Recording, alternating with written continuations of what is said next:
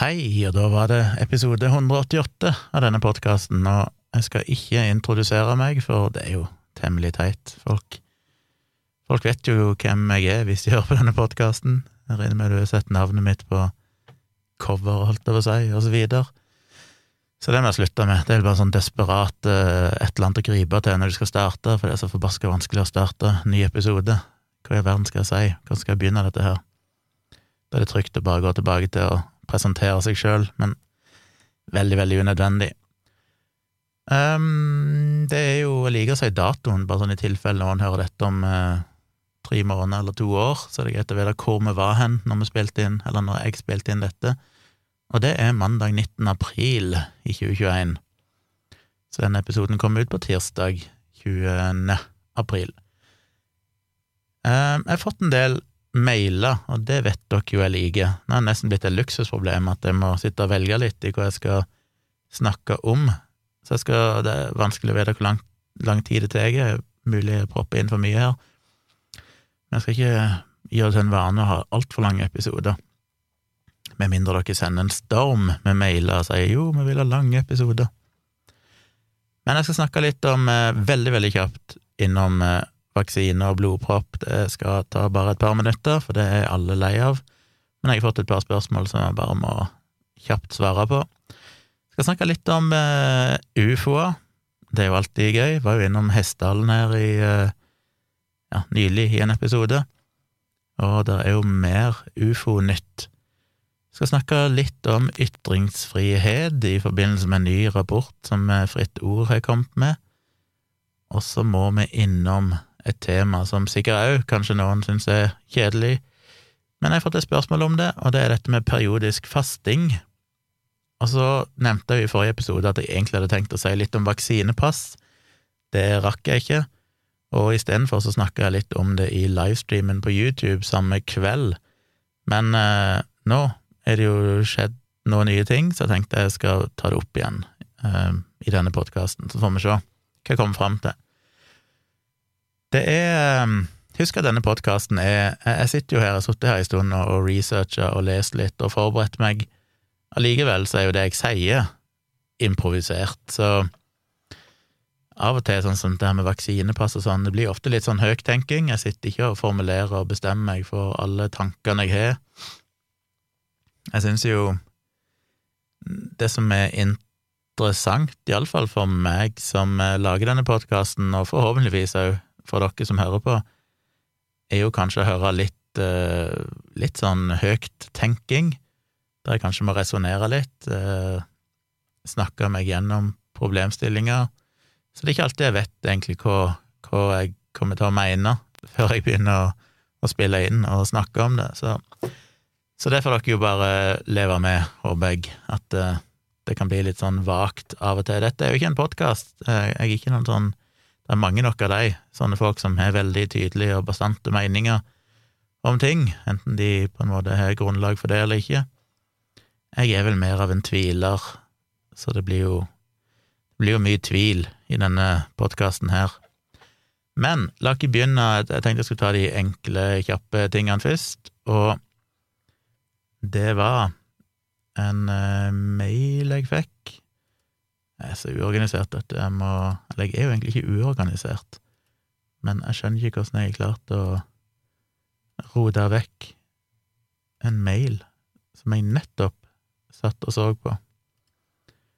For det er litt kjekt å uh, Det er litt kjekt å kunne Ja, der, ja. Kjekt å kunne bare si hvem som har sendt mailen. Og det var en mail jeg teknisk sett fikk til min andre e-postadresse, tvilsomt med tjomli, et gmail.com, som jeg bruker til YouTube-kanalen min. Men eh, det er Vegard som skriver. Han skriver Hei, Gunnar. Setter stor pris på både podkast og livestreams. Takk for all jobben du gjør. Oi, der leste jeg opp eh, skryt. Jeg eh, er jo ikke så glad i det. Eh, hyggelig å få skryt, men det føles alltid kleint å liksom gjenta det men det var mer bare for å ha kontekst, dette gjelder både podkast og livestream. Så spørsmålet, skriver han. I samtalen om eh, blodklott etter AstraZeneca-vaksinen har jeg fått med meg at kvinner som tar p-piller, har en høyere sjanse for å utvikle blodklotter uten at det gjøres en spesielt stor greie ut av Et interessant tankekors i seg selv. Men vet du om noen har sett på en sammenheng mellom disse, siden det ser ut til at risikoen for blodklott etter vaksine er for kvinner under 48 år, eksempelvis om kvinner som utvikler blodklott, også går på p-piller, eller andre sammenhenger som noen med mer kompetanse enn meg kanskje ser. Interessant spørsmål, og jeg har jo både blogga om det og snakka om det i livestreams sånn tidligere, og forresten så drikker jeg te i kveld, eller en cola. Bare for moro skyld. Så jeg vil ikke si at det ikke har vært snakka om det, det har vært snakka ganske mye om, vil jeg si, og jeg skrev jo om det allerede i midten av mars, når dette her først dukka opp. Så trykker jeg fram det. Og det var mye diskusjoner på Twitter, og til og med EMA og sånn har jo vært innom det når de har hatt disse pressekonferansene sine om eh, AstraZeneca-vaksinen. Så det er definitivt noe som har vært eh, fokusert på. Men um, risikoen for blodpropp er jo ikke bare hos kvinner. Nå må jeg starte på nytt, holdt jeg på å si. For det, det første vi må gjøre, er å skille mellom blodpropp og disse mer spesielle typene av blodpropp, som da gjerne er, kom, er kombinert med blødninger eller lavt, blodtall, lavt blodplatetall. Så hvis vi bare snakker om helt holdt på å si, vanlige blodpropper, så er det jo ikke noen indikasjon per nå på at, er, at de er knytta til vaksinene, eh, fordi det ser ikke ut til å være noen overhyppighet. Tvert imot så er det vel faktisk mindre risiko for blodpropp hvis du er vaksinert, fordi covid-19 er veldig øker risikoen ekstremt mye for å få blodpropper. Så, eh, men igjen, det kommer jo an på alltid hvor mange som er syke i hvert land, og hvilken populasjon du faktisk undersøker, avhengig av hvor stor risiko det er i den populasjonen for å faktisk få covid-19 og sånn. Men sånn globalt så er iallfall det viktig å huske på. Og blodpropper i seg sjøl, hvis det var eneste bivirkning, så tror jeg nok ikke AstraZeneca-vaksinen hadde blitt stoppa. Fordi blodpropper trenger ikke å være spesielt problematisk. Altså, det er selvfølgelig alvorlig og sånn, men det kommer jo veldig an på hvor du får de, og ofte så kan en behandle det, spesielt hvis det er en kjent bivirkning, så kan en være veldig obs på det, og da kan en ofte få behandla det fort. Så det i seg sjøl vet jeg ikke om hadde, Nå spekulerer jeg jo, men hvis det kun var i går så ordinære blodpropper, så vet jeg ikke om vaksinen hadde blitt stoppa. Men det vi snakker om her, er jo noen spesielt alvorlige typer blodpropper, som blant annet eh, skjer oppi hjernen, som hindrer drenering av blodet fra hjernen, et eller annet sånt. Jeg kan ikke noe om detaljene der, men det er iallfall en veldig alvorlig type blodpropp, som òg da er ledsaga av et lavt antall blodplater, for det ser ut Den rådende hypotesen er jo at vaksinen trigger immunforsvaret, som det jo skal gjøre, men at det blir da holdt på å si, overaktiv, sånn at du egentlig får en autoimmun reaksjon, der immunforsvaret ditt går til angrep på dine egne blodplater. Og det er veldig alvorlig, fordi at det er veldig vanskelig å behandle fordi det er vanskelig å gi Altså, hvis du får blodpropp, så kan du jo blant annet gi blodfortynnende, men når du i tillegg da har lavt antall blodplater og blødninger, interne blødninger rundt forbi kroppen, så er ikke det spesielt gunstig å gi blodfortynnende, da vil du egentlig ha det motsatte. Men så har du en blodpropp òg på et uh, kinkig og alvorlig sted oppi skallen, og da blir det veldig vanskelig. Og det er såpass vanskelig at vi ser jo at i Norge, da, av de fem som har fått denne tilstanden, så er jo tre av de døde av dette. Og en av de som fikk denne i Norge, hvis jeg husker riktig nå, var jo mann. Fire kvinner, én mann. Jeg tror alle tre som døde, var kvinner. Men det betyr jo at det er ikke bare kvinner som får dette, og det samme tallene har vel sett i Europa, at eh, det er flest kvinner, så vidt jeg vet, men eh, det er jo ramma menn. Og det er ikke sikkert at er at kvinner egentlig er i en større risiko for å få denne tilstanden. Det kan bare være at det er flere kvinner som er vaksinert med akkurat den vaksinen. Det er nok iallfall tilfellet i Norge, så vidt jeg har forstått, fordi at den AstraZeneca-vaksinen eh, Altså, de er jo primært brukt Pfizer og litt Moderna på eldre folk og folk i risikogrupper, men hos helsepersonell så har de i stor grad brukt AstraZeneca i starten og i helsevesenet så er det en overvekt av kvinner, så derfor er det nok eh, generelt sett bare flere kvinner som har fått den vaksinen, enn det er menn. Og det samme bildet tegner seg, mener iallfall EMA, at det kan òg være gjeldende i resten av Europa, at det ikke nødvendigvis er en kjønnsforskjell, men at det kan bare være at det er flere kvinner som er vaksinert. Så derfor så kan vi nok ikke EMA er jo, har jo generelt sett sagt at de har ikke nok data til å kunne si at dette primært uh, rammer kvinner, men uh, ja. Så er det dette med p-piller, og jeg skrev jo dette med p-piller i den bloggposten min, som jeg skrev 15. mars, tror jeg, det ligger ute på tjomli.com, um, der en vil se at det er sånn fem til ti-tolv per 10 000, er det vel, som får kombinasjons-p-pille, som da ender opp med å utvikle blodpropp. Det er jo alvorlig, men det er en akseptabel risiko, blant annet fordi at det å bli gravid er veldig mye farligere enn den lille risikoen for blodpropp. Så eh, derfor er det på en måte en akseptabel risiko. Men kan det være en kombinasjon med at de som får AstraZeneca-vaksinen, som også bruker p-piller, da har økt risiko? Det har jo vært sett på, det ble vel adressert av EMA, eh, e mener jeg, i den siste pressekonferansen men der sa de vel bare at de har ikke nok data, det kan de ikke si noe om. Det er såpass sjeldne tilfeller at det rent statistisk ser ut til å være vanskelig å, å, finne ut om det er noen som er i en spesiell risikogruppe for dette. Så så langt så har de vel ikke identifisert noen ting som tilsier at, uh, ja, at noen er i en spesiell risiko, at de bruker en spesiell medisin eller går på p-piller, eller det er andre ting. Men det er jo ting de jobber med. De har jo selvfølgelig veldig lyst til å finne ut av det. Kan det være noe, kan, noe du kan teste genetisk, et eller annet sånt? Eh, samtidig, hvis det er noe som er såpass kompleks som at du må teste genetisk eller et eller annet sånt, så blir vel det relativt lite relevant uansett, for det kan du ikke Det kan vi ikke gjøre i forkant av vaksinering, det ville være for ressurskrevende. Men, eh, men ja, så det er det korte svaret, at uh, dette har vært undersøkt, men en vet ikke ennå, og foreløpig så har de iallfall vært tydelig på at en sånn sammenheng verken med kjønn eller p-piller kan de egentlig ikke konkludere med på det nåværende tidspunkt. Og det leder meg jo egentlig da over på eh, den andre andre mailen jeg fikk, som jeg nå ja, på en måte har svart litt på allerede, og det var ei en ganske morsom mail jeg fikk fra ei som heter Annika, som skriver Hei, jeg liker din podkast veldig mye. Lurer på jeg er 64 år og fikk min første dose AstraZeneca for ca. tre uker siden. Og før jeg går videre, må jeg si at jeg syns det er veldig kult at uh, folk i alle aldre hører på min podkast.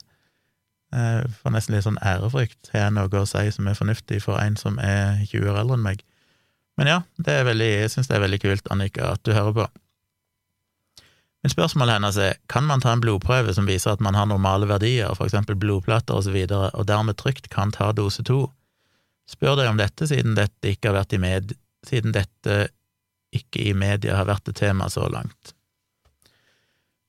Svaret på det var vel litt innom, og svaret er nei per i dag. Eh, jeg har ikke sett noe eh, tegn på at de har funnet noen måte å kunne teste folk i forkant på. Det har vel vært antyda at hvis den første dosen gikk greit, så er det nok liten risiko ved den andre dosen, men det blir vel mest sannsynlig ikke så veldig relevant, fordi jeg tviler vel veldig sterkt på at AstraZeneca kommer til å bli tatt i bruk igjen, så jeg tror ikke det er noe å tenke for mye på. Det er nok mer sannsynlig at en vil få en, en helt annen vaksine da, som dose nummer to, enten én dose eller to doser av en annen vaksine. Men det går ikke an å teste, så vidt jeg har fått med meg eh, hvis en kunne ha testa det, så eh, sånn som lave blodplater eller testa blodplater og sånn, det kan ikke helt se skulle ha noe for seg, fordi hvis dose nummer én gikk normalt, så vil vel, om det så skulle ha vært en eller annen form for autoimmun respons som angrep blodplatene, så vil nok det rette seg opp igjen relativt fort, sånn at du ikke vil slite med det, og du vil nok ha merka det hvis du hadde hadde problemer med det, for eksempel at du ville få blå flekker og alt disse her greiene, effektene du kan få, sånn blåmerkelignende greier rundt forbi i huden og sånn, hvis du har lave i Eh, så en, en, kan nok ikke teste det, det ser ikke ut at du Vi har ingen måte å finne ut om noen er predisponert for å få den alvorlige reaksjonen. Så svaret på det er nei, men du kommer nok neppe til å få den andre dosen av AstraZeneca uansett, så tror det er et ikke-problem. Så fikk jeg en mail ifra Marius, Marius André, som sier god morgen, Gunnar. Og det må jeg si, for han sendte jo den mailen 0135 natt i går. Hva tenker du, det er veldig tidlig morgen, jeg ville sagt god natt, men kanskje han tenkte at denne leser jeg sikkert ikke før neste morgen, men da kjenner du ikke meg, Marius André. Jeg var sikkert vågen å lese den mailen da jeg fikk den. God morgen, Gunnar. Hva tenker du om ufo-videoene som Pentagon har frigitt fra 2019 forrige uke? Er dette noe du kan ta opp i neste podkast? Ja, det vil jeg jo gjøre.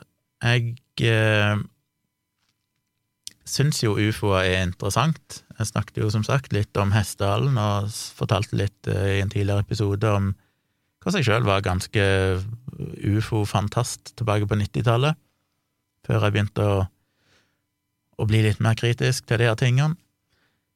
UFO, som dere sikkert alle vet, står jo for uidentifisert flygende objekt, og greia nå er jo at det er blitt frigitt Jeg tror det er bare én video i denne omgang eh, som er kommet ut, og som eh, Pentagon har verifisert og sagt at jo, denne videoen ble filma av en i marinen, den amerikanske marinen, og den kom ifra oss. Så det er på en måte verifisert. Eh, I fjor, ett eller to år siden, så ble det jo òg sluppet tre videoer, blant annet. Det kan ha vært flere, men det er i hvert fall tre som folk beit seg merke i som var litt av samme greia. Tre videoer som var filma, som kom ut av det amerikanske militæret, som på en måte skulle vise uidentifiserte flygende objekter. Og det fikk jo mye, mye oppmerksomhet den gang.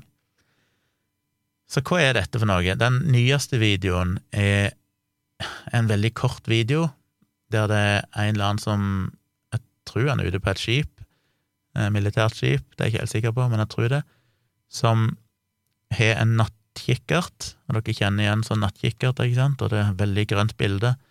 Altså, de forsterker lyset, du ser bare i, i, eh, i grønt lys, egentlig.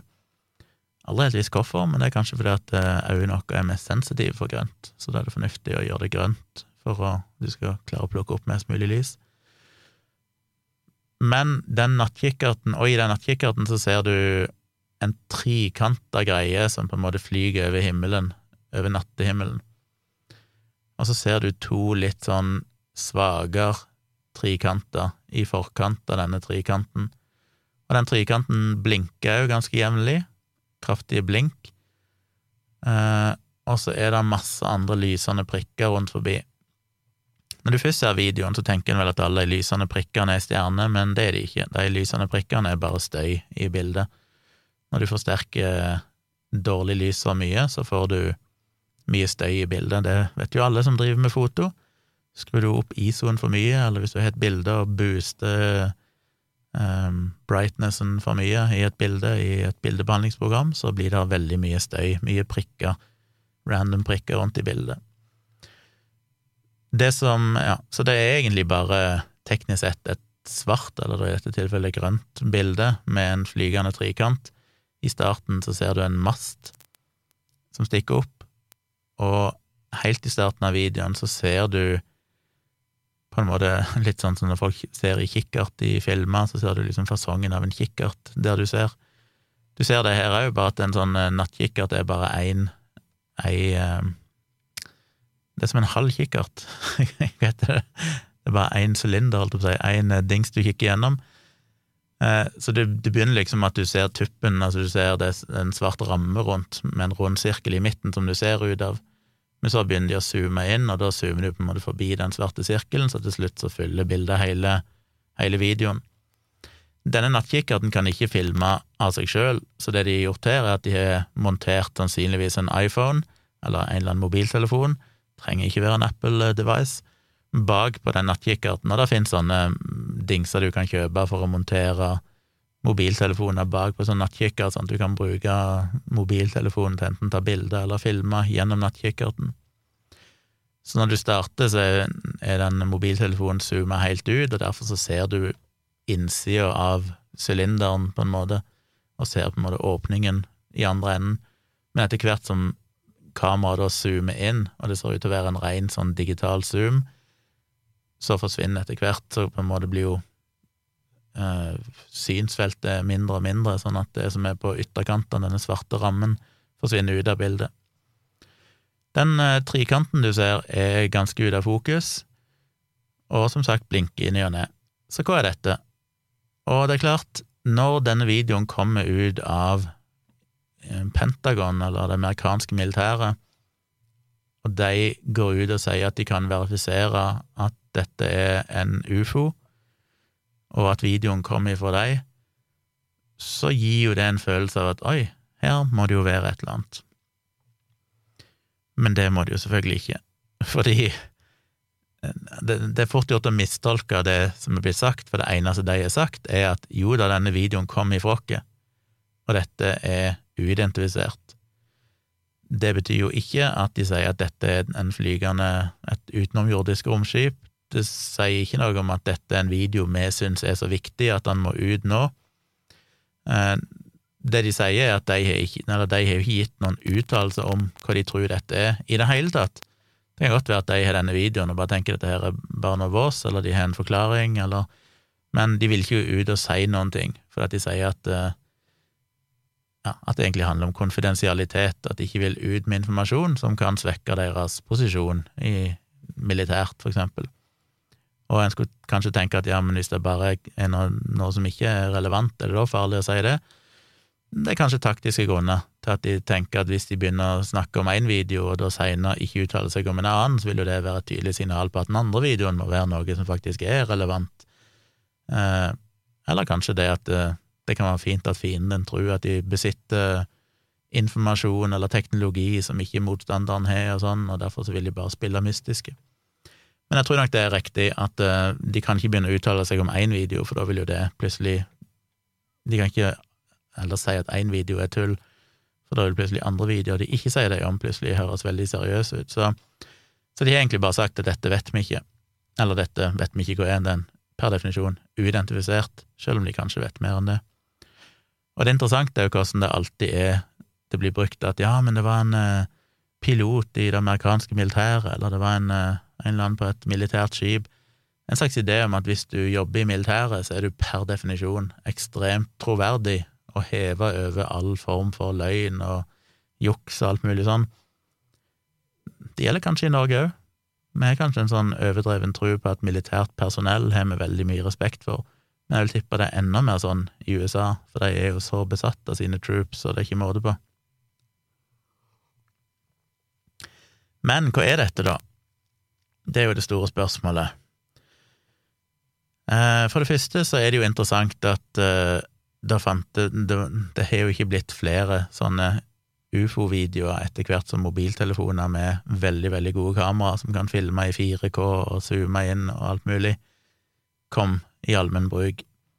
Det er jo et godt tegn på at eh, hvis det hadde vært uh, ufoer som faktisk var noe intelligent der ute, ukjent og ikke-jordisk, så skulle en jo tro at når du går ifra basically null kamera som er tilgjengelig til enhver tid, eller i det beste fall en annen person som tilfeldigvis er ute med sitt VHS-videokamera akkurat da på 80- eller 90-tallet, til en verden der så godt som hver eneste person går med et videokamera på seg hele tida, så er det rart at ikke det da har eksplodert med tusentalls av gode videoer av disse fenomenene som vi da ja, syns var veldig mystiske, spesielt på 60-, 70-, 80- og 90-tallet, men som egentlig har blitt mindre interessante de siste 20 årene, kanskje nettopp fordi at det er liksom påfallende at ingen filmer de lenger, når plutselig alle har muligheten til å filme de.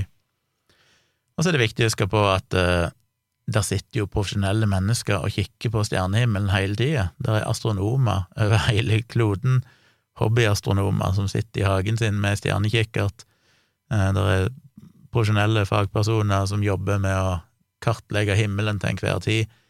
Det er utallige med devices, med tekniske enheter, teleskoper, forskjellige typer radioteleskoper, synlig lysteleskop eh, som driver og måler himmelen hele tida, i større, stor og ja, i mer eller mindre profesjonell grad.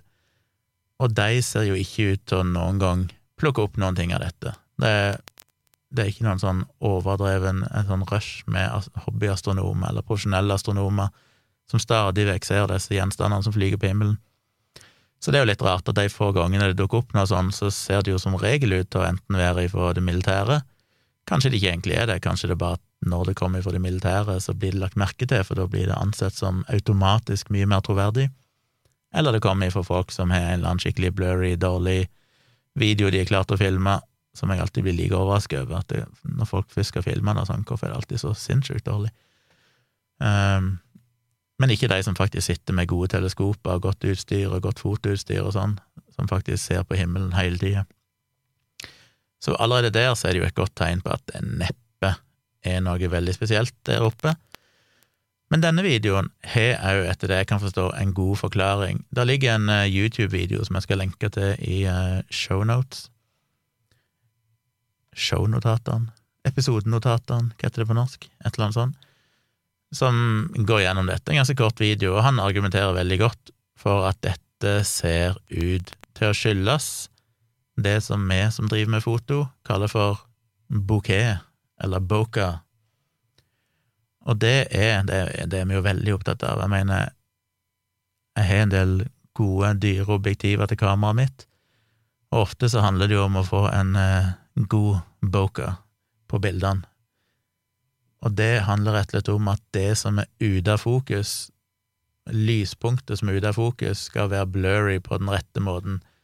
Eh, altså, Boka det er jo den der eh, portrait-funksjonen som de nå emulerer i moderne mobiltelefoner, som gjør at det som ikke er i fokus, eller det som ikke er subjektet i bildet, det som er bak subjektet, da er ute av fokus, er litt blurry.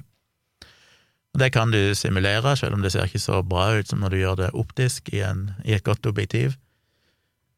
Men det ser ut til å egentlig skyldes Boka, og det er rett og slett og mest sannsynlig et helt vanlig fly som er blitt filma, men det ser ut som en trikanta, solid flekk, fordi denne bokaen, som egentlig bare er en slags uskarphet som smudger ut lyset sånn at det blir en flate, eh, får den fasongen.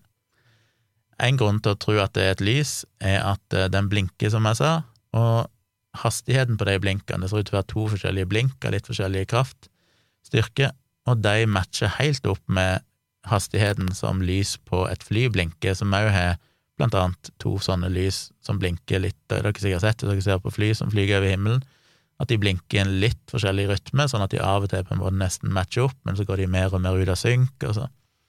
Så det er to lys som blinker helt regelmessig, og de blinkene på denne her trikanten ser ut til å matche helt opp med det på et vanlig fly.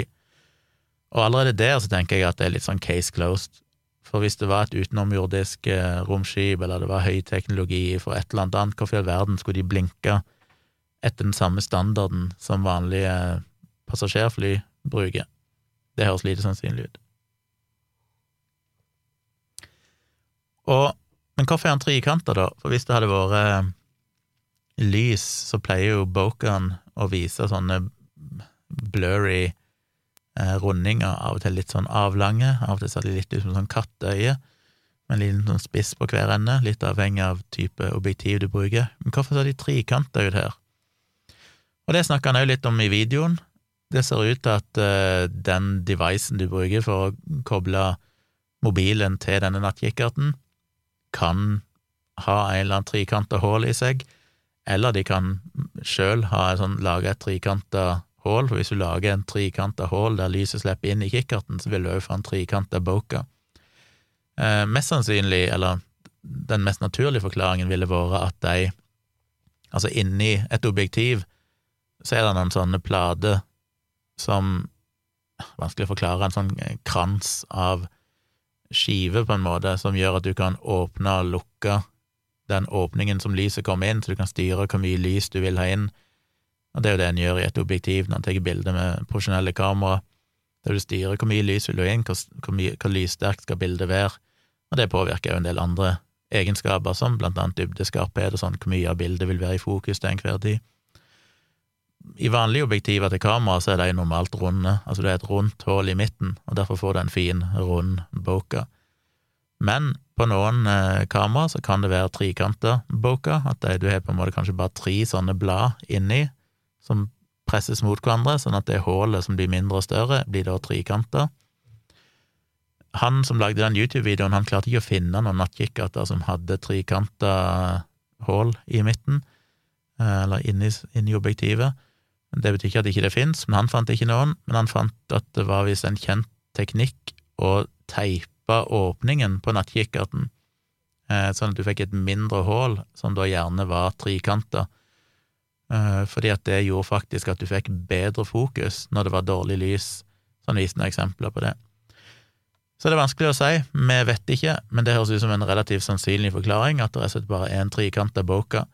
De to andre trikantene er nok sannsynligvis da stjerner, og de er mye svakere enn den, det som sannsynligvis er fly. Det blir jo ofte i disse, hvis du ser rapporter om dette, så sier de at det var tre flygende trikanter. Mest sannsynlig er det én trikant som faktisk beveger seg, de to andre er stasjonære, og det er stjerner. Men de vil òg bli trikanter, for det er alt av lys i det bildet når det er ute av fokus, og du får denne boka-effekten, bouquet-effekten, vil da ha samme fasong, fordi egentlig alle er forma av egenskaper ved selve objektivet, så alt av lys vil få den samme trikanta formen. Og de blinker ikke, de er stasjonære, så det ser ut til å bare være to litt svakere stjerner, som er litt sånn unaturlig med en gang, for det virker som at hele bildet er fullt av stjerner, men som sagt, alt det andre som du tror er stjerner, er jo bare støy i bildet, bare blinkende prikker som fra frame til frame i videoen flytter seg. Det er ikke stasjonære prikker, det er bare random noise.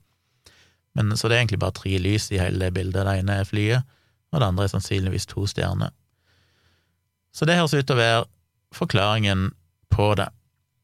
Når det er sagt, så tenker jo jeg at eh, jeg tror jo at det er veldig sannsynlig at det finnes liv på andre planeter, ikke i vårt solsystem.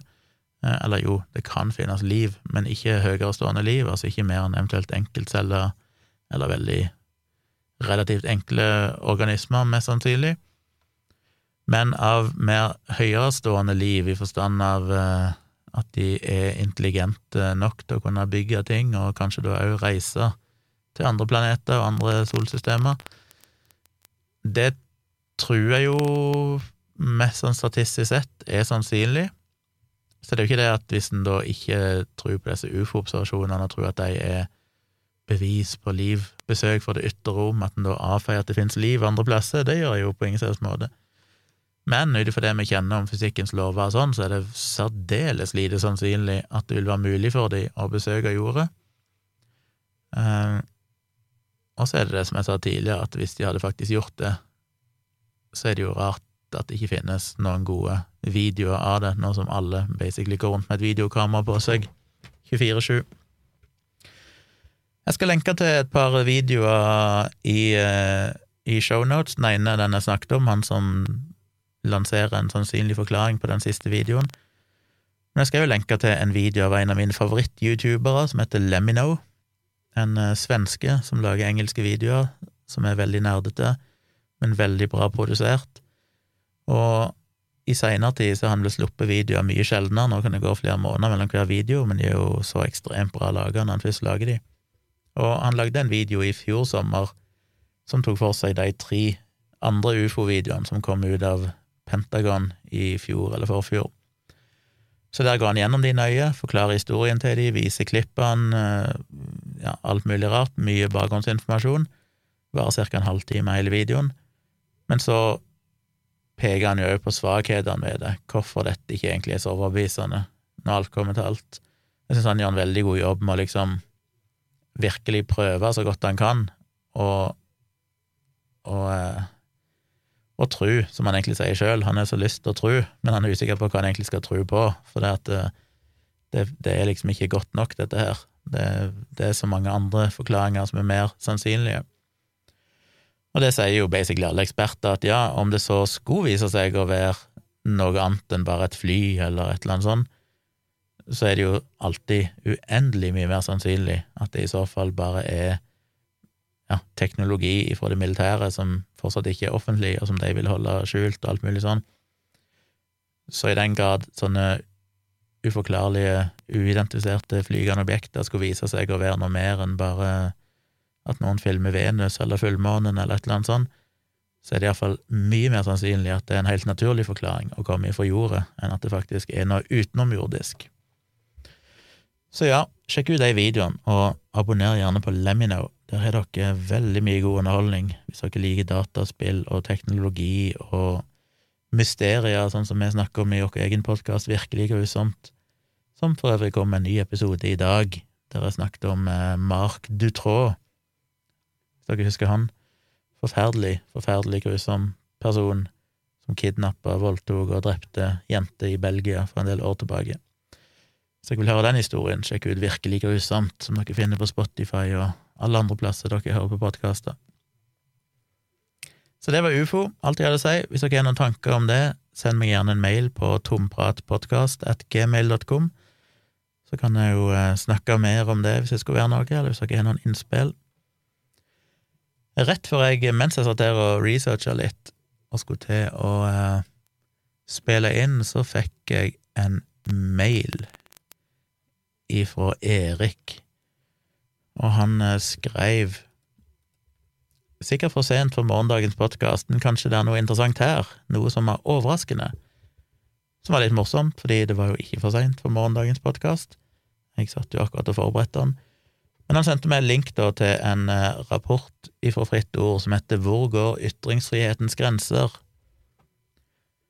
Og det er en rapport, og jeg må bare si jeg har ikke hatt veldig god tid, så jeg har ikke lest rapporten. Jeg kun baserer dette her kun på den lille, korte presentasjonen som står på nettet, der de trekker fram noen hovedpunkter ifra rapporten. Eh, rapporten heter Hva mener befolkningen om ytringsfrihetens grenser? Det står rapporten er skrevet av Audun Fladmo, Dag Vollebekk, Kari Steen Johnsen og Kjersti Torbjørnsrud, og er en del av Fritt Ords monitorprosjekt om status for ytringsfriheten i Norge 2020–2021. Hovedprosjektet utføres av Institutt for samfunnsforskning i samarbeid med Universitetet i Bergen, Universitetet i Oslo og NTNU i Trondheim. Resultatene kommer i en større publikasjon våren 2022. Så dette er vel en slags foreløpig rapport eh, om deler av materialet deres, men den endelige store publikasjonen kommer om et år.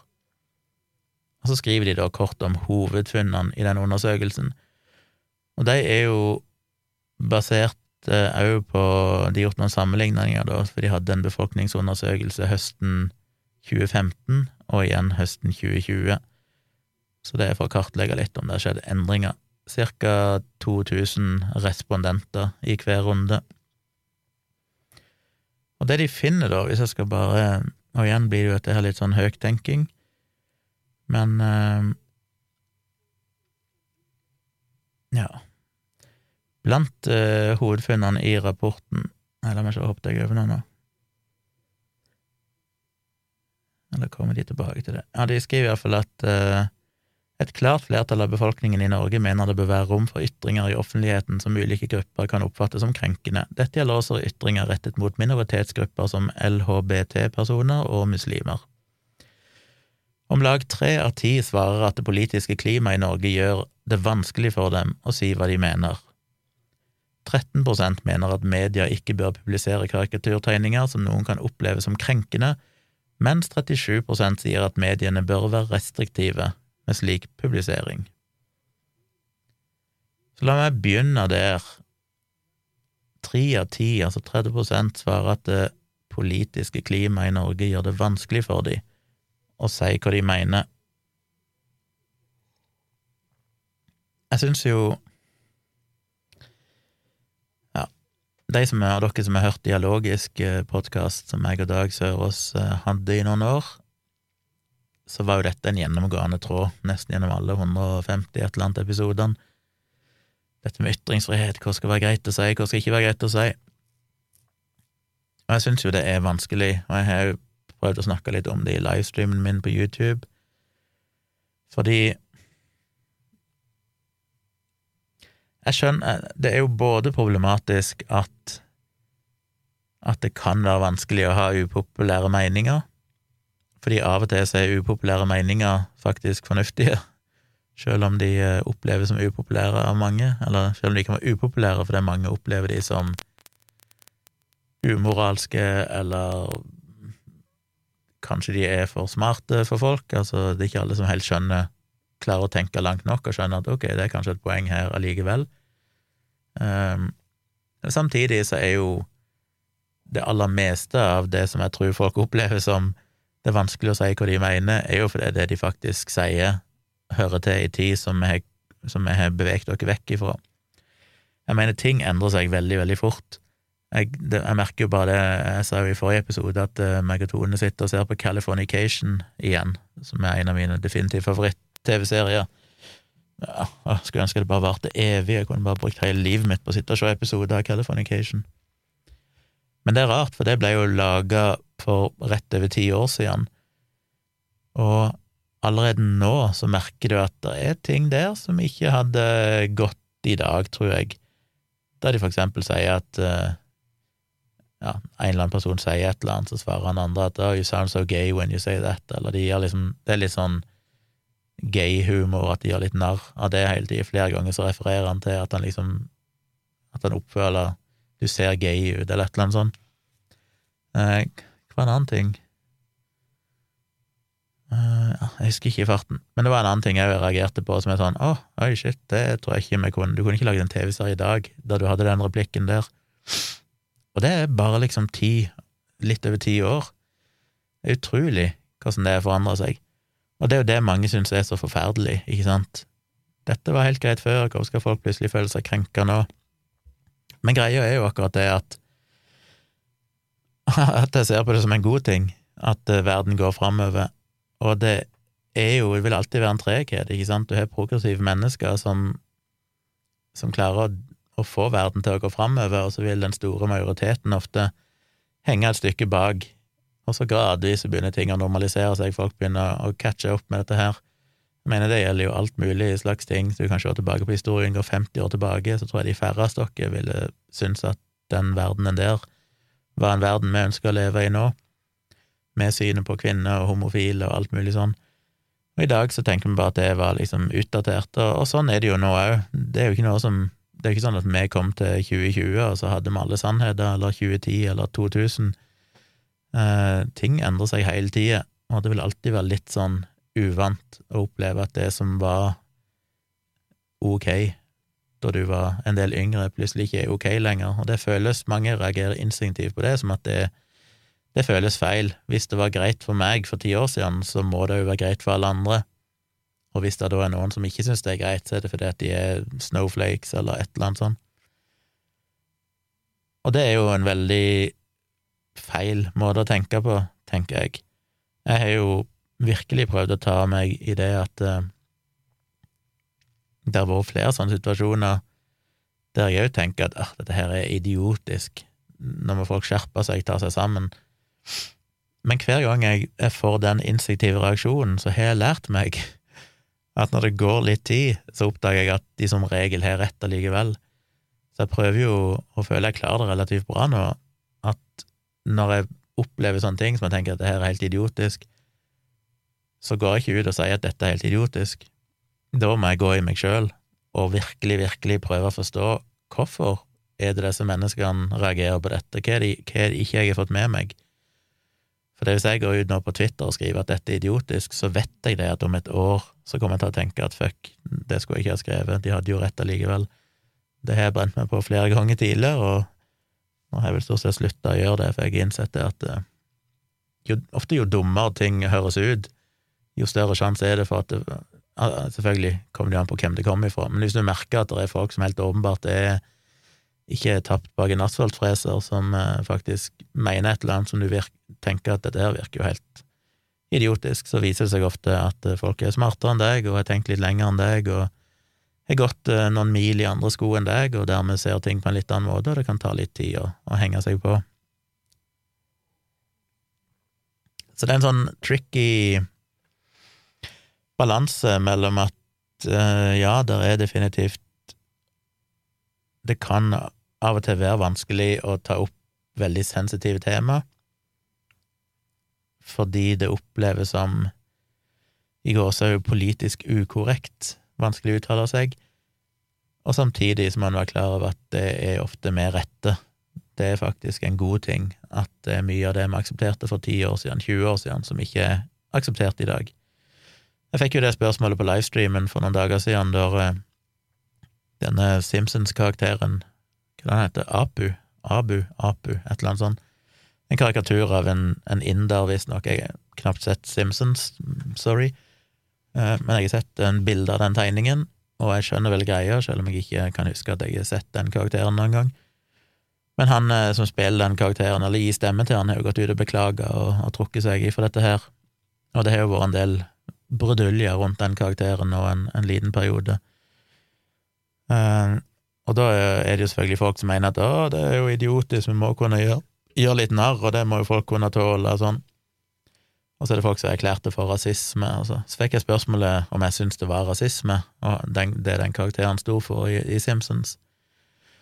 Og det syns jeg er litt vanskelig å svare på, men ut ifra den utvida definisjonen av rasisme som blant annet Store norske leksikon har, som skiller mellom klassisk rasisme, som er den der rasismen som ofte er den strengeste definisjonen, som mange insisterer på at det er kun det som er rasisme, det er kun hvis du ser på andre som mindreverdige basert på deres etniske, etniske opprinnelse, så er det jo så så er, det jo kanskje ikke rasisme, fordi nå vet jeg ikke hvordan han blir fremstilt, men det er ikke sikkert det er noen, noen nedverdigende eller sånn. Det er ikke sånn at de karakterer han som et mindreverdig menneske på noe selvs vis.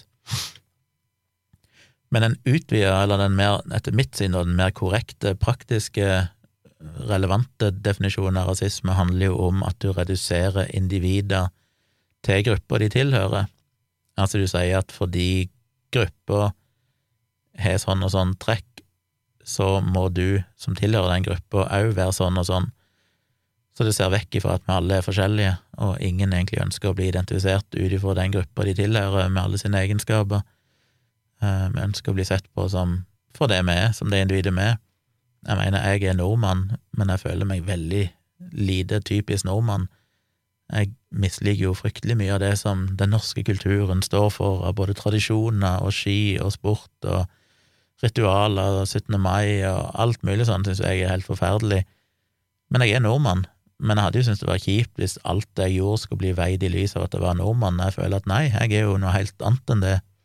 Jeg er jo meg sjøl. En del av meg er sikkert veldig norsk, og andre deler føler jeg er veldig liten norsk. Eh, så ut ifra den ideen så er det jo rasisme. Men så er spørsmålet ja, men men det er jo ikke vondt meint, det er jo ikke ondsinna. Jeg, jeg, tviler jo på at verken de som lager Simpsons, er, eller han karakteren bak stemmen, er rasist, og det er jeg helt enig i. Jeg tror absolutt ikke noen av de er rasister, og jeg tror ingen av de ønsker noe vondt med det. Men det er nettopp det som er så vanskelig, at vi har en tendens til å definere rasisme ut ifra at det er noen som mener noe vondt med det. Og det er misforstått. Rasisme kan òg være det å bare vedlikeholde de ideene som fører til, eller historisk sett har ført til, at folk har blitt eh, tia i hæl og undertrykt og utsatt for eh, forskjellsbehandling, alt mulig sånn. Så selv om jeg òg er veldig tilhenger i utgangspunktet av at vi skal kunne gjøre narr av alt, til og med ting som jeg tenker er rasistisk, så må det så, så, må det skje ekstra Altså, da skal du være veldig, veldig genial hvis du kan virkelig klare å gjøre det på en måte som der verdien av det blir større enn skadevirkningene av det. For det tenker jeg er mulig i noen tilfeller, men det aller, aller meste av den type humor er jo ikke det. Og det er jo veldig, veldig lett for oss som sitter her, jeg skal ikke snakke for alle dere, men jeg er en hvit, godt voksen mann som bor i et av verdens eh, mest privilegerte land, og sier at herregud, dette må jo folk tåle. Jeg er empatisk nok til å kunne sette meg inn i situasjonen der Jeg mener Jeg tenker jo bare når jeg kom på skolen i eh, sjuende klasse og hadde vært hos frisøren og klippet meg en merkelig sveis første gang, så føles det helt forferdelig, det å skille seg ut. Det jo, det jo det verste vi vet, det er jo å skille dere ut. Jeg tror alle dere kan kjenne dere igjen i det. Noen syns jo det er helt fantastisk å skille seg ut, eh, og etter hvert som en blir eldre, så bryr en seg mindre og mindre, men jeg tror alle kan tenke seg tilbake til ei sårbar tid i livet sitt der det å stikke seg ut for alle andre var vanskelig og sårt. Så kan du tenke deg da å, å være å ha en annen hudfarge, for eksempel, eller komme fra en familie med helt andre tradisjoner enn det de fleste av vennene dine har. Eh, det å rett og slett bare være annerledes, det i seg sjøl, om så ingen omtrent sa et stygt ord, er jo noe som fortsatt preger deg på et vis. Og når du da i tillegg, som veldig, veldig mange gjør, opplever at du blir behandla litt forskjellig, det er ikke sikkert det er rasistisk, det er ikke sikkert det er vondt meint, men du merker at du er annerledes. Og av og til så kommer det noen sårende kommentarer, av og til kommer det noen med et eller annet rasistisk utbrudd.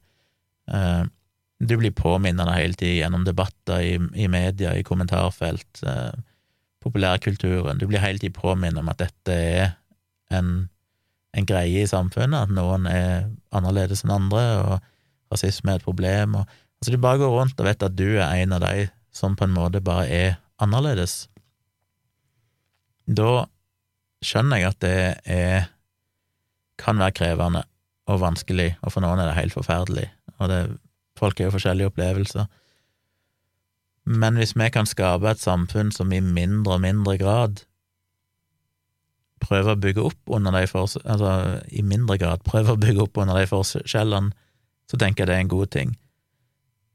Fordi enhver inder, eller enhver somalier, eller enhver svenske, er jo til syvende og sist et individ, og er sannsynligvis mer forskjellig fra sine andre indere og somaliere og svensker enn det en tilfeldig nordmann de møter, er. Eh, eller enn det de er med en tilfeldig nordmann de måtte møte. Og det tror jeg bare vi må Det at det sannsynligvis er ofte er hvite mennesker som er privilegerte og har laga denne humoren, blir veldig feil. At vi skal på en måte si at vi kan gjøre narr av andre. Det er ikke vondt meint, og det er sikkert veldig morsomt. Simpsons er morsomt. Men selv om det er uskyldig, og selv om det er morsomt, så bidrar det til å videreføre en del sånne stereotypier og problemer i samfunnet som jeg tenker at vi har godt av å komme oss forbi, og det er fryktelig lite offer for en person som meg, for eksempel, å si at jeg trenger ikke å ha den karakteren i Simpsons hvis det gjør, hvis det gjør at summen av alt som hele tida minner folk på at de er annerledes, og de er en minoritet, og at de blir litt ledd av bak ryggen, eller et eller annet sånt forsvinner, så tenker jeg det er en, definitivt en god ting. Hvor i ferd jeg å snakke om det? Nå skeier jeg ut her ifra ytringsfrihetsrapporten, men, men ja, det var i hvert fall en ting jeg ranta litt om i en livestream, så tenkte jeg kunne jo rante litt om det her òg. Eh, men tre av ti svarer at det politiske klimaet i Norge gjør det vanskelig for dem å si hva de vil.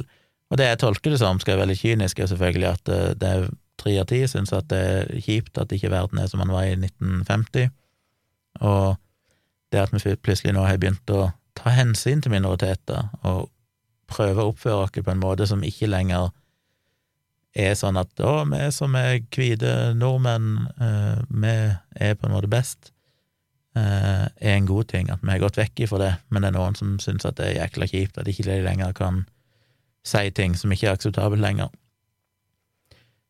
Så jeg, jeg, ser ikke på akkurat det som bekymringsverdig. Jeg syns nesten det var overraskende at det ikke var flere, da. Jeg syns det var en positivt at det var tre av ti som faktisk føler det. Sju av ti føler faktisk at nei, de kan, eh, de kan si hva de mener. Negative sider det er at kanskje sju av ti har veldig kjedelige meninger. Veldig få som faktisk har noen ting. Jeg syns det er en god ting at folk har meninger generelt sett, hvis det faktisk er gjennomtenkte, gode meninger, ikke bare noe som er basert på fordommer eller gamle ideer som de ikke har klart å heve seg over. Men eh, det er jo veldig bra med folk som har meninger som er politisk ukorrekte å si, for det hvis det virkelig er gjennomtenkt og smart, så er det jo de meningene som er kanskje de, de viktigste. 13% mener at media ikke bør publisere karikaturtegninger som noen kan oppleve som krenkende.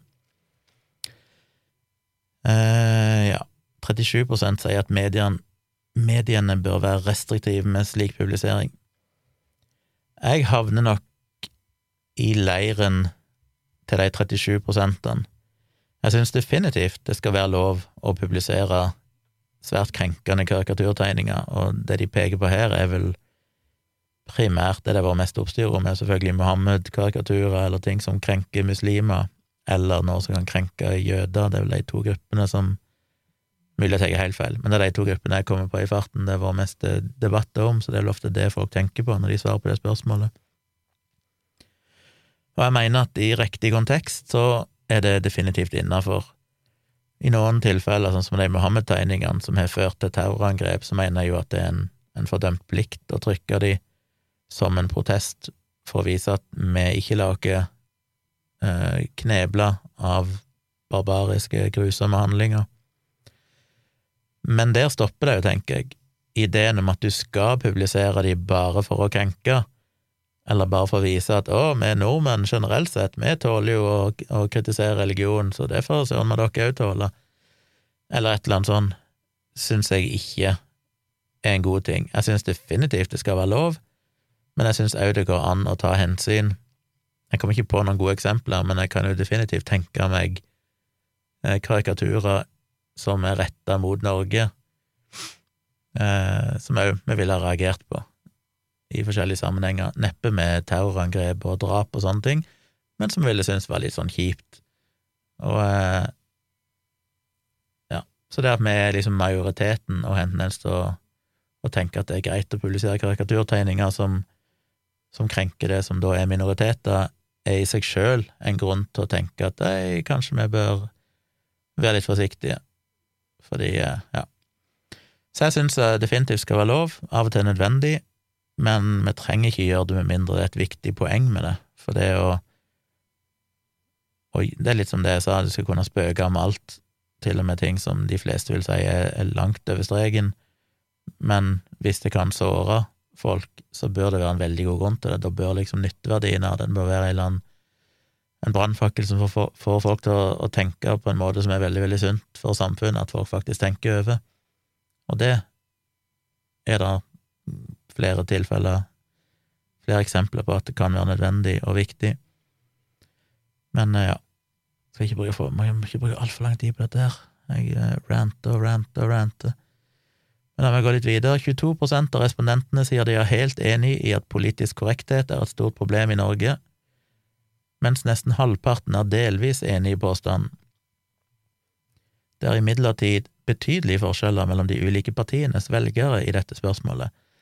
Et klart flertall av dem som stemmer Fremskrittspartiet og Høyre, er helt eller delvis enig i at politisk korrekthet er et problem, mens et mindretall av velgerne til SV og Rødt svarer det samme, utdyper forsker Audun Fladmo.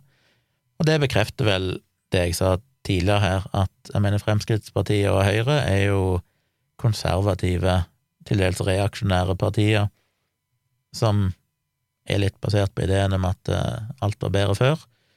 Og det er klart at velgerne av de partiene som ønsker at ting skal være sånn som det er vært, de vil ikke ha de store progressive endringene, um, de vil jo da sannsynligvis òg føle at politisk korrekthet er et større problem, fordi at politisk korrekthet handler jo egentlig om at verden går framover, og det som var greit for ti år siden eller 20 år siden, er ikke så greit i dag.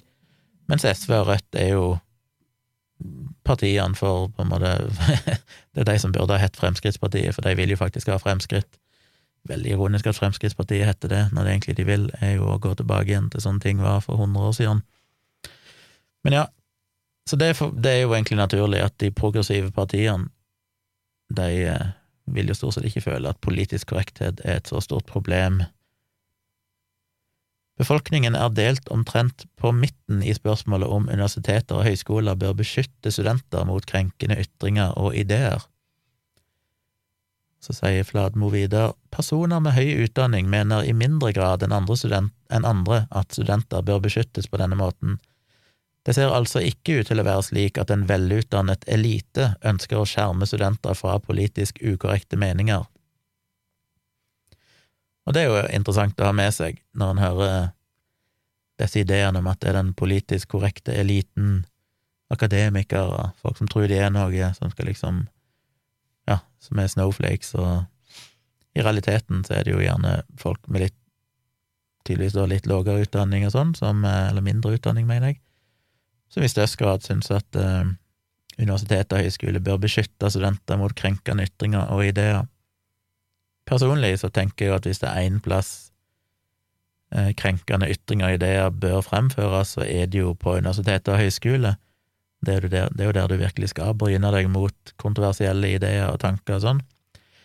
Men det er jo litt mer nyansert enn det. Jeg har jo skrevet og snakka om det før, at uh, det betyr jo ikke at du nødvendigvis skal måtte invitere en eller annen douchebag til å holde foredrag, bare under dekke av at ja, men det er viktig de blir eksponert for politisk ukorrekte ideer. Fordi, og dette snakka vel òg om i livestreamen nylig, det fins kontroversielle ideer som er godt underbygga med data, og det finnes kontroversielle ideer som er fryktelig dårlig underbygd med data. Eh, og veldig mye av de tingene som det har vært snakk om i USA, sånn med deplatforming og disinvitations av foredragsholdere og sånn, er jo ofte, ikke alltid, det er jo en del reelle hårreisende saker der, men ofte når du går inn og ser på det, så er det jo gjerne noen skrullinger som kommer med kontroversielle ideer, som ofte har blitt tilbakevist for 20-30-40 år siden, men det er folk som fortsatt driver og pisker døde hester og skal komme og liksom provosere med et eller annet. Og sånne ting er det jo ikke vits i å eksponere folk, studenter for, det er jo å ta ifra de dyrebar tid, men det er jo ganske begrensa tid du har der, begrensa antall foredragsholder du har mulighet til å se, og da bør en jo reservere det til i det minste. Folk som, som har ideer som hvor enn kontroversielle og provoserende de må være, så er de iallfall relevante og basert på noe som er verdt å tenke over, fordi vi kanskje ikke vet det ennå, det foreligger ikke nok data og alt mulig sånn. Så det er viktig å, skille der òg. Én eh, av fire mener at det bør være greit å ytre rasistiske meninger i offentligheten så lenge man ikke oppfordrer til vold. Én av fire, altså. Jeg har jo vært veldig usikker på det. Jeg har jo både i blogg og podkast tidligere argumentert for at jeg mener at vi ikke burde gjøre rasistiske meninger, ytringer, ulovlige. Jeg er jo, som dere forhåpentligvis vet, selvfølgelig ekstremt antirasist, og syns rasisme og rasistiske ytringer er noe av det mest forferdelige og tåpelige jeg kan tenke meg, men jeg er fortsatt usikker på om det bør være straffbart å ytre det. Og jeg var veldig motstander av det før og sagt at vi må møte rasistiske holdninger med, med motytringer, eh, men jeg har nok bevega meg litt mer i retningen over tid at kanskje det er fornuftig å bare Jeg mener, det er jo ulovlig i dag, eh, og kanskje det bør være sånn. Fordi det beste argumentet er vel egentlig at i en ideell verden, ja, så kunne kanskje det vært lovlig, men i praksis så betyr det at folk som blir ramma av de rasistiske ytringene, i større grad da blir eh, hemma for å ytre seg sjøl, fordi de trekker seg vekk fra debatter og alt mulig sånn. Forståelig nok, og dermed i sum så får du mindre ytringsfrihet. Eh, så argumentet er jo da gjerne at vi må ha mest mulig ytringsfrihet, men ved å tillate den type ytringer, så ender du egentlig opp med å få mindre ytringsfrihet. Både fordi at de ytringene i seg sjøl har jo ingen informativ verdi, det er ikke noe konstruktivt med sånne ytringer i seg sjøl, men i tillegg så hindrer det jo da viktige, potensielt viktige ytringer for folk som blir ramma av de ytringene. Sånn at det er sånn paradoksalt nok kan bety at det å begrense noen ytringer faktisk fører til mer ytringsfrihet. I overkant av en tredjedel av de spurte svarer at ytringer som håner religion, bør være tillatt, mens nesten dobbelt så mange mener det bør være tillatt med ytringer som kritiserer religion. Så to tredjedeler mener altså at det ikke i overkant av en tredel av de spurte svarer at ytringer som håner religion, ja, så to tredjedeler, et godt flertall, mener at ytringer som håner religion, ikke bør være tillatt. I overkant av en tredjedel av de spurte svarer at ytringer som håner To tredjedeler mener at, at det å håne religion bør ikke være lov, mens nesten dobbelt så mange mener det bør være tillatt med ytringer som kritiserer religion, så det er bare en tredjedel som mener det ikke bør være lov med ytringer som kritiserer religion, men det er jo det er nedslående tall.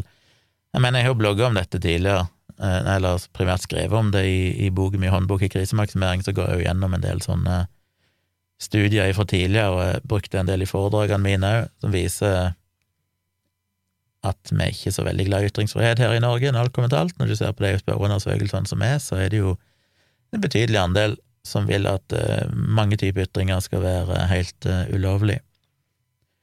Men det var litt sjokkerende at i 2021 så fortsatt så mener de aller fleste at du, det bør ikke være tillatt å håne religion. Hvordan stiller det seg opp mot eh, 37 mener at mediene bør være restriktive med å publisere karikaturtegninger som kan oppleves krenkende. Ja, nei, jeg vet ikke om alt det der henger sammen, men det er noe så. 11% mener at ytringer som politikere kan oppleve som krenkende, kan ikke aksepteres, enten ytringen faller privat eller i offentligheten. Nesten tre ganger så mange, 30% mener slike ytringer ikke er akseptable dersom de er rettet mot LHBT-personer. Så nesten to tredjedeler mener at ytringer, krenkende ytringer er akseptable hvis de blir retta mot LHBT-personer. Mens bare rundt én av ti mener at ytringer som politikere kan oppleve som krenkende, ikke skal være akseptable. Ja, ikke så veldig mye støtte til det, og jeg tenker ja, det er komplisert, òg. Jeg mener i, sånn, u, I utgangspunktet så tenker jeg at politikere skal ikke ha noe spesiell beskyttelse. Hvorfor spør de om de spesielt? Men så er det igjen dette her med ytringsfrihet og, og demokrati. Hvis vi ender opp Jeg mener, en må alltid prøve å tenke ting litt til det ekstreme for å tenke ut hva som er rett og ikke. Og la ikke si det var en situasjon der politikere kontinuerlig ble utsatt for enormt mye hets, og det gjør de vel for så vidt, sånn som det er i dag, så kan det definitivt gjøre at uh, viktige politiske ressurspersoner som vi hadde hatt nytte av, ender opp med å ikke ville gå inn i politikken, eller trekke seg ut av politikken, og det er jo ikke bra for noen. Samtidig så er det klart at jeg tror nok de fleste er enige om at hvis du er politiker, så må du være ekstra hardhuda, og det enhver sånn offentlig, å være en offentlig figur krever jo at du må tåle litt mer enn den jevne nordmann. Uh, men ja, jeg vil nok uansett være skeptisk til at Jeg mener, krenkende er jo alltid så diffus begrep. Det at noen opplever det som krenkende, er jo veldig vanskelig å, å lage lover ut ifra. Det er ikke spesifikt nok. Ja. 26% sier de opplevd ubehagelige eller nedlatende kommentarer etter å ytre seg, mens 5 oppgir at de har mottatt trusler. Og det jeg har snakka om tidligere i dialogisk, det der med at folk sier de har mottatt trusler. Det er definitivt folk som mottar trusler, men jeg føler jo òg at hver gang en eller annen influenser eller noe sånt går ut i media og sier at ble drapstruet, så ble de som regel ikke det.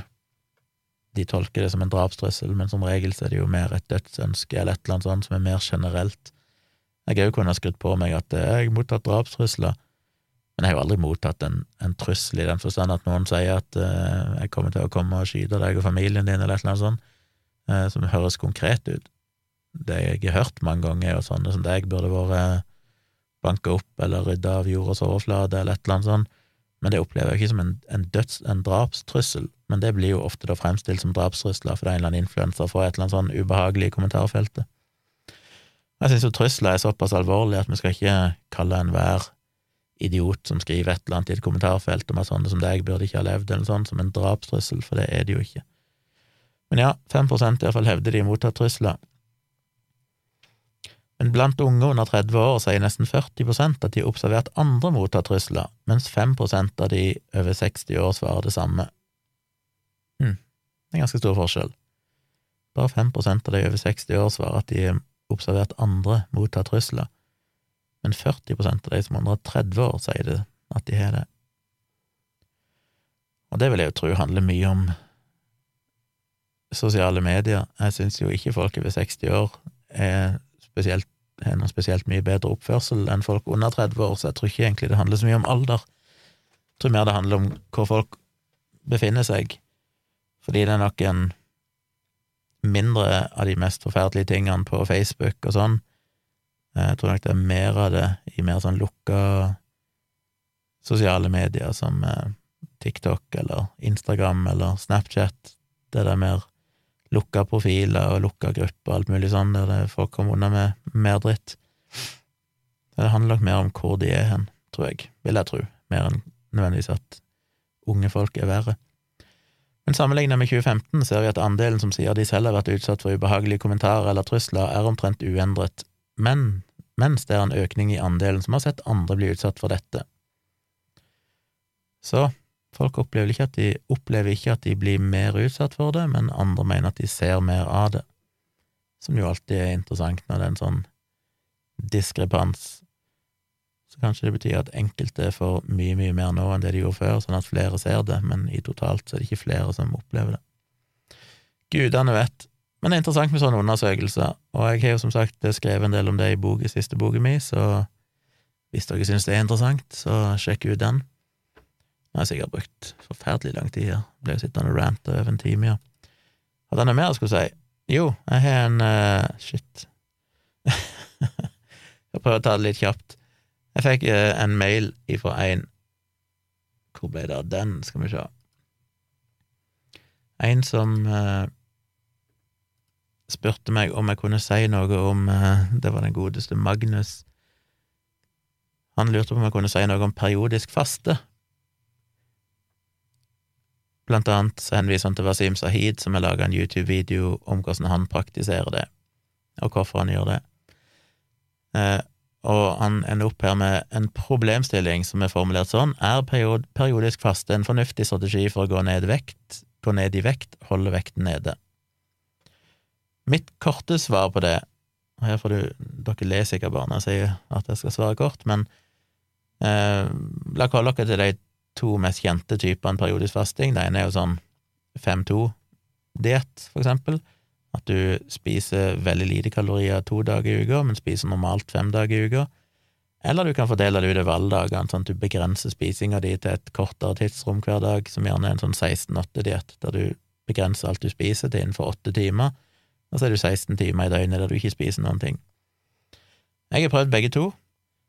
Uh, jeg syns vel 5-2-dietten var litt for krevende, fordi de to dagene er litt sånn tricky. Da skal du ikke spise mye, jeg tror det er under 500 kalorier eller noe sånt du skal få i deg, som ikke er så mye i løpet av en dag for en voksen mann. Uh, og jeg har prøvd 16-8 i mye lengre periode, og den syns jeg er mye lettere å forholde seg til. Og hvis du er litt smart og planlegger litt ut ifra hva som passer deg og din døgnrytme, så så går det relativt greit, fordi åtte av de 16 timene du ikke skal spise, er jo ideelt sett søvn. For meg så er det vel litt mindre, men, men eh, du kan time det sånn da at eh, du får mest mulig av søvnen inn i det, naturlig nok, det må du jo.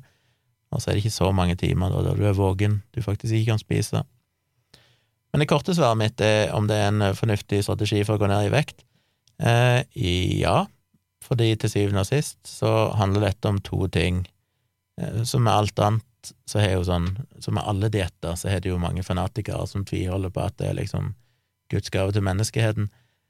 Der fins jo, som Wasim sier i sin video, og som jeg òg har lest og snakka om tidligere, der fins jo data som peker i retning av at det kan være noen positive helseeffekter ved å faste, eh, men det er usikre data fortsatt, vi vet ikke nok.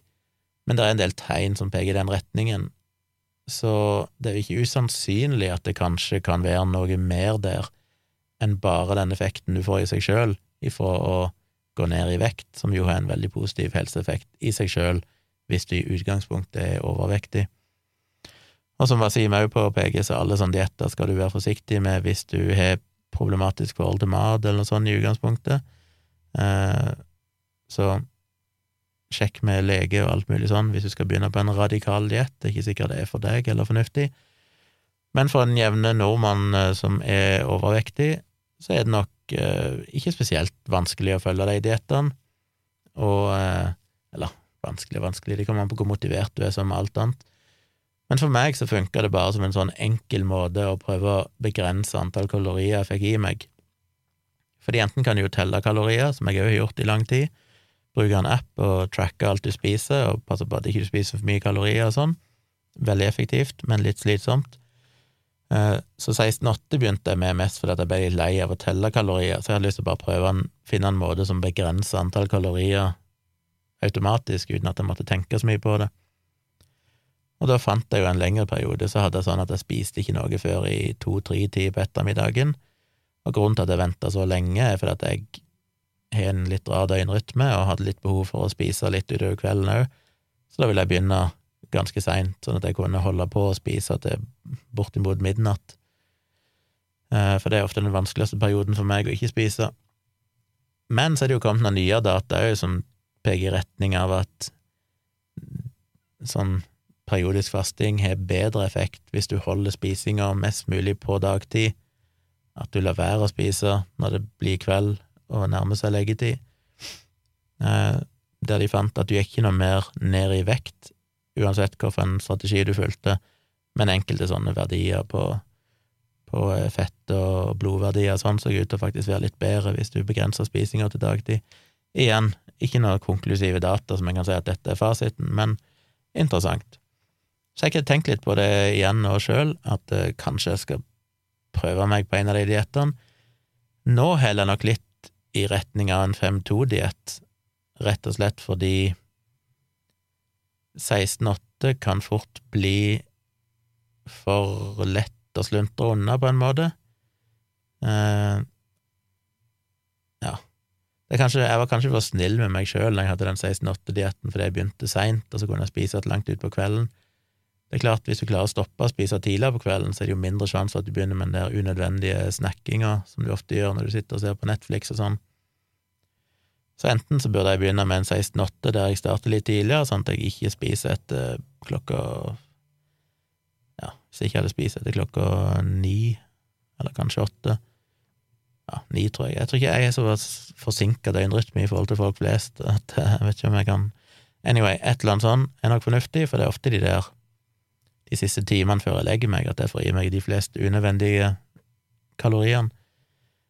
Eller 5-2, for da er det sånn de fem dagene så kan jeg bare kjøre på. Eh, men så er det to dager som er Det er litt lettere Det er ofte lettere å være sånn absolutt og tenke i dag skal jeg nesten ikke spise, jeg kan ha et par knekkebrød til frokost og et knekkebrød senere på dagen, eller hva det nå blir for noe, eh, enn å skal bare prøve å begrense seg. Du skal fortsatt spise, men du skal liksom spise mindre. Da er det lettere å nesten ikke spise i to dager, for min del. Men det må jo alle finne sjøl. Poenget er iallfall at det er en, en, eh, en, ganske effektiv måte for å gå ned i vekt, men det er ikke noe magisk med det. Det er ikke noe mer effektivt enn enhver en annen form for kalorirestriksjon, uansett hvordan du måtte gjøre det, om det er kaloritelling eller andre metoder, lav karbo eller et eller annet, alt som gjør at du kutter kalorier, sånn at du får et negativt eh, kaloribalanse i løpet av en dag, vil jo føre over tid til at du går ned i vekt. Og da er jo dette en av metodene han bruker, og så er det kanskje, men usikre data, som sagt, òg noen positive helseeffekter av det som går utover bare vektnedgangen i utgangspunktet. Så skal lenke til den videoen av Wasim, skal dere jo se hva han sier om det, stort sett eh, det som jeg har sagt her. Og nå har jeg holdt på så lenge at jeg tror kanskje jeg må må stoppe. Jeg hadde igjen vaksinepass på agendaen men uh, ja, jeg tror jeg får droppe det. Jeg tenkte jeg kanskje jeg skulle snakke om noe litt mer personlig, men jeg får se om jeg tar det i neste episode. Nå har jeg holdt på altfor lenge. Sorry, folks, men uh, tusen takk hvis dere har hørt på så lenge. Husk å sjekke ut nye episoder Virkelig grusomt, hvis dere liker grusomme ting.